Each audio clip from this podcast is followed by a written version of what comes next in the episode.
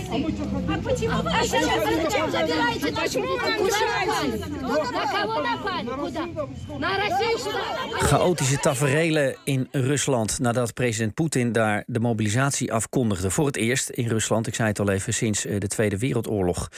Dit geluid komt uit Dagestan, waar veel mensen in opstand komen tegen het feit dat uh, vooral mannen het leger in moeten. En niet iedereen heeft daar zin in. Veel Russen proberen het land uit te vluchten met lange rijen bij de grenzen tot gevolg. En er zijn op verschillende plekken demonstraties te zien. Zeer zeldzaam allemaal in Rusland. Over de weerstand tegen die mobilisatie en waar dit eventueel toe kan leiden, praat ik met Eva Kukier, correspondent in Moskou. Goedemiddag, Eva.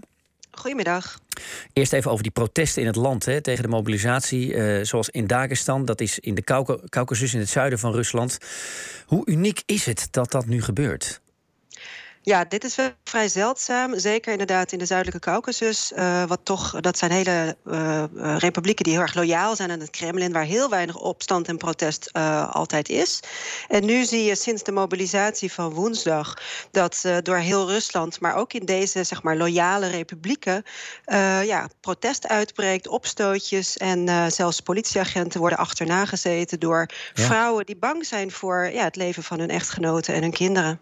Um, en we zien het op meerdere plekken in Rusland. Hè. Vanmorgen ook berichten over een schietpartij bij een recruteringsbureau. Dat was eh, in Irkutsk, dat ligt net boven Mongolië. Daarbij werd een Russisch militair neergeschoten. Um, zijn dit nou incidenten voor jouw gevoel? Of zie je het echt op heel veel plekken in Rusland opduiken, de, deze vorm van geweld? Uh, vreedzame protesten die vanaf woensdag zijn uitgebroken, dat is door heel Rusland. Dat is vrij incidenteel, maar toch hè, in heel veel grote steden zag je vreedzaam protest.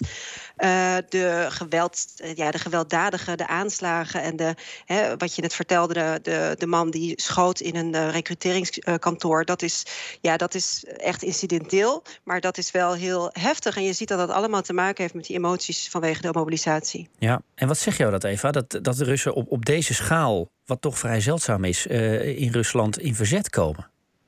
Ja, dat is bijzonder. Hè. Sinds twee jaar hebben we hier natuurlijk te maken met steeds meer repressie. En uh, we hebben wel veel uh, protest gezien de afgelopen maanden, of ja, maanden en ook vorig jaar. Maar de meeste oppositieleiders en mensen die protest echt kunnen mobiliseren, uh, die zitten vast. Die zijn gevlucht. Dus mm -hmm. de, de mensen die nu achter zijn gebleven, die de afgelopen maanden toch hè, hoopten dat, ja, dat, hun, dat, dat hun levens gespaard zouden worden en dat dit aan hun voorbij zou gaan, die komen nu ook in op, opstand. En dat is wel heel erg bijzonder. Ja, en, en wat je natuurlijk hier ook kan, kan aflezen is de woede. En, en uh, er is natuurlijk nauwelijks bereidheid ook, lijkt het, hè, op deze manier om voor Rusland te vechten in de oorlog in Oekraïne.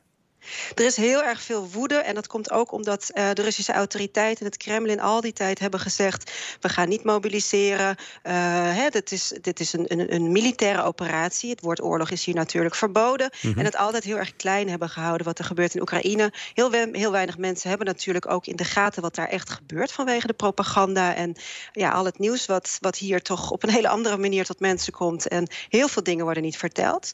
Dus ja, nu zijn mensen in één klap met hun neus op de feiten gedrukt. En dat, dat leidt tot paniek, omdat mensen nu zelf geraakt worden door wat er al maanden in Oekraïne gebeurt. Hè? Wat Oekraïners ja. natuurlijk al maanden meemaken.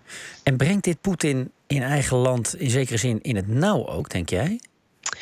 Ja, dat is heel lastig te zeggen. We moeten de komende dagen kijken waar dit heen gaat. Hè? Of die protesten uitdoven. Uh, of dat het groter wordt. Uh, je ziet dat de autoriteiten behoorlijk in het nauw zitten. omdat die mobilisatie zoveel chaos heeft uitgelokt. Heel veel Russen vluchten. Er staan enorme rijen aan de grens. En uh, je ziet aan alle kanten dat ze proberen nu ja, de boel in, in goede banen te leiden. En de verantwoordelijkheid wordt door het Kremlin meteen neergelegd bij de Russische regio's. Hè, de autoriteiten van de regio's. Die verantwoordelijk worden gemaakt voor deze chaos. Dus het Kremlin schuift het van zich af. Ja, maar, maar wat je ook ziet is dat er heel hard wordt opgetreden. Hè? Of het nu de demonstraties in Moskou waren vorige week... Uh, of op, in, al die andere uithoeken van Rusland waar nu protest is. Uh, de, de repressie is gigantisch. Ja, absoluut. Uh, er wordt ontzettend hard opgetreden. Mensen worden uh, nou ja, in een man, als één man zeg maar, van een plein geveegd. Um, en uh, ja, wat het ergste is natuurlijk, overal worden willekeurig mannen opgeroepen. Dus, en dat, is, dat leidt tot de grote paniek. Ja. De belofte of de, de, de, de decreet van Poetin stelt... we gaan 300.000 reservisten mobiliseren. Maar nu blijkt dat mannen in alle leeftijdscategorieën... en ook zonder militaire ervaring... gewoon een briefje in hun handen gedrukt krijgen... en in een bus worden gezet. Ja. En dat is natuurlijk iets ja, waar zelfs Russen een grens trekken. Um, je noemde het al even. Veel mannen proberen nu ook massaal het land uit te vluchten. Hè? Er, zijn, er staan lange rijen bij, bij de grens, bijvoorbeeld bij Georgië. Maar ik zag toch ook richting de, de, de Europese landen, hè? richting Finland, de, de Baltische ja. Staten. Wat weet jij daarover? Hoe is die situatie daar nu bij de grens? Kun je nog het land verlaten als je dat zou willen? Uh, het laatste bericht is, en dat is op basis van anonieme bronnen, werd dat gemeld door uh, nieuwsite Medusa, dat ook mogelijk over twee dagen de grenzen gesloten zullen worden voor, uh, so, ja, voor mannen in de gevechtsleeftijd. Dat is tot 35 en dan loopt die leeftijd op per rang. Mm -hmm. dat betekent dat mensen mogelijk nog twee dagen hebben om het land te ontvluchten. Nou, dat zie je op alle knooppunten. Inderdaad, aan de grens met Georgië staat een ontzettend lange rij. Ik las net dat daar ook het leger inmiddels is gearriveerd, omdat ze bang zijn dat mensen een soort van geweld daar die grens over zullen vluchten. Uh, aan de Europese kant, Finland heeft de grens inmiddels gesloten. Uh, daar komen weinig mensen nog maar door. Noorwegen is een heel klein stukje helemaal in het noorden bij Moermansk... Ja. waar je een bus kunt nemen naar Noorwegen. Nou, uh, je ziet dat de vluchten naar Moermansk ook enorm snel opraken. En ja, ik had ook vrienden die zijn de afgelopen twee dagen gevlucht... naar alle mogelijke bestemmingen... tegen betaling van hele hoge bedragen voor vliegtickets. Jongen, um, spannend om te zien hoe dat verder gaat. Aan de andere kant, er is niet alleen maar verzet, hè, Eva? Jij was onlangs nog bij een pro-Kremlin-demonstratie. Die heb je ook nog steeds. Hoe, ja. hoe was de sfeer daar? Uh, zie je dan aan de andere kant toch ook wel degelijk enthousiasme voor die mobilisatie? Ja, ik was vrijdag bij een, uh, dat is door, nou ja, door de autoriteiten hier in Moskou georganiseerde bijeenkomst. Dat was ter support van de, het referendum in de Donbass dat afgelopen dagen werd gehouden, waar mensen dan voor aansluiting met Rusland moeten stemmen. Uh, ja, dan stap je echt in een soort parallele werkelijkheid weer, een soort Alice in Wonderland. En dan zie je mensen met vlaggen en heel veel mensen die daar vol enthousiasme met zettekens lopen. En uh, ook van staatsbedrijven kwamen delegaties, politieke partijen, radicale organisaties. En ik sprak daar met jonge jongens die zeiden: we, gaan, we zijn opgeroepen, uh, we gaan morgen naar de oorlog. Ik heb er zin in uh, en we gaan het land verdedigen. En dat zijn de mensen die in de illusie verkeren nog steeds dat, ze, hè, dat Rusland wordt aangevallen door Oekraïne en dat ze daar het land gaan verdedigen. Maar ja. En, je, en die verdeeldheid, hè, mensen die voor en tegen die mobilisatie zijn, dat zie je zelfs ook binnen families, begreep ik. Ja, absoluut. Het zijn toch vooral de oudere generaties die uh, natuurlijk veel televisie kijken en de propaganda meer geneigd zijn om te geloven.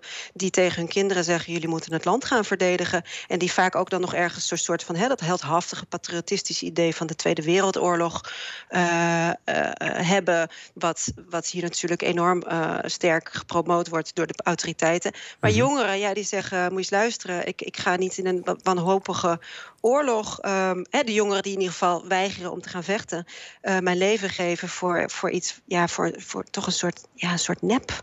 Een nepoorlog, een militaire ja. operatie. Ongelooflijk. Um, ik zag ook foto's trouwens, Eva, van uh, als je dan al gemobiliseerd wordt en, en, en uh, het leger in moet, dat je dan ja, een, een oud wapen, een roestige Kalashnikov, zag ik, in je handen gedrukt krijgt. Um, het wekt ook allemaal niet de indruk dat er een enorme organisatie, een enorme structuur achter die mobilisatie zit. Hè? Nee, het is natuurlijk echt op het laatste moment afgekondigd. En je ziet aan alle kanten dat de autoriteiten hier ook door werden verrast, die dit dus moeten organiseren. Uh, daarom gaat het ook op veel plekken mis.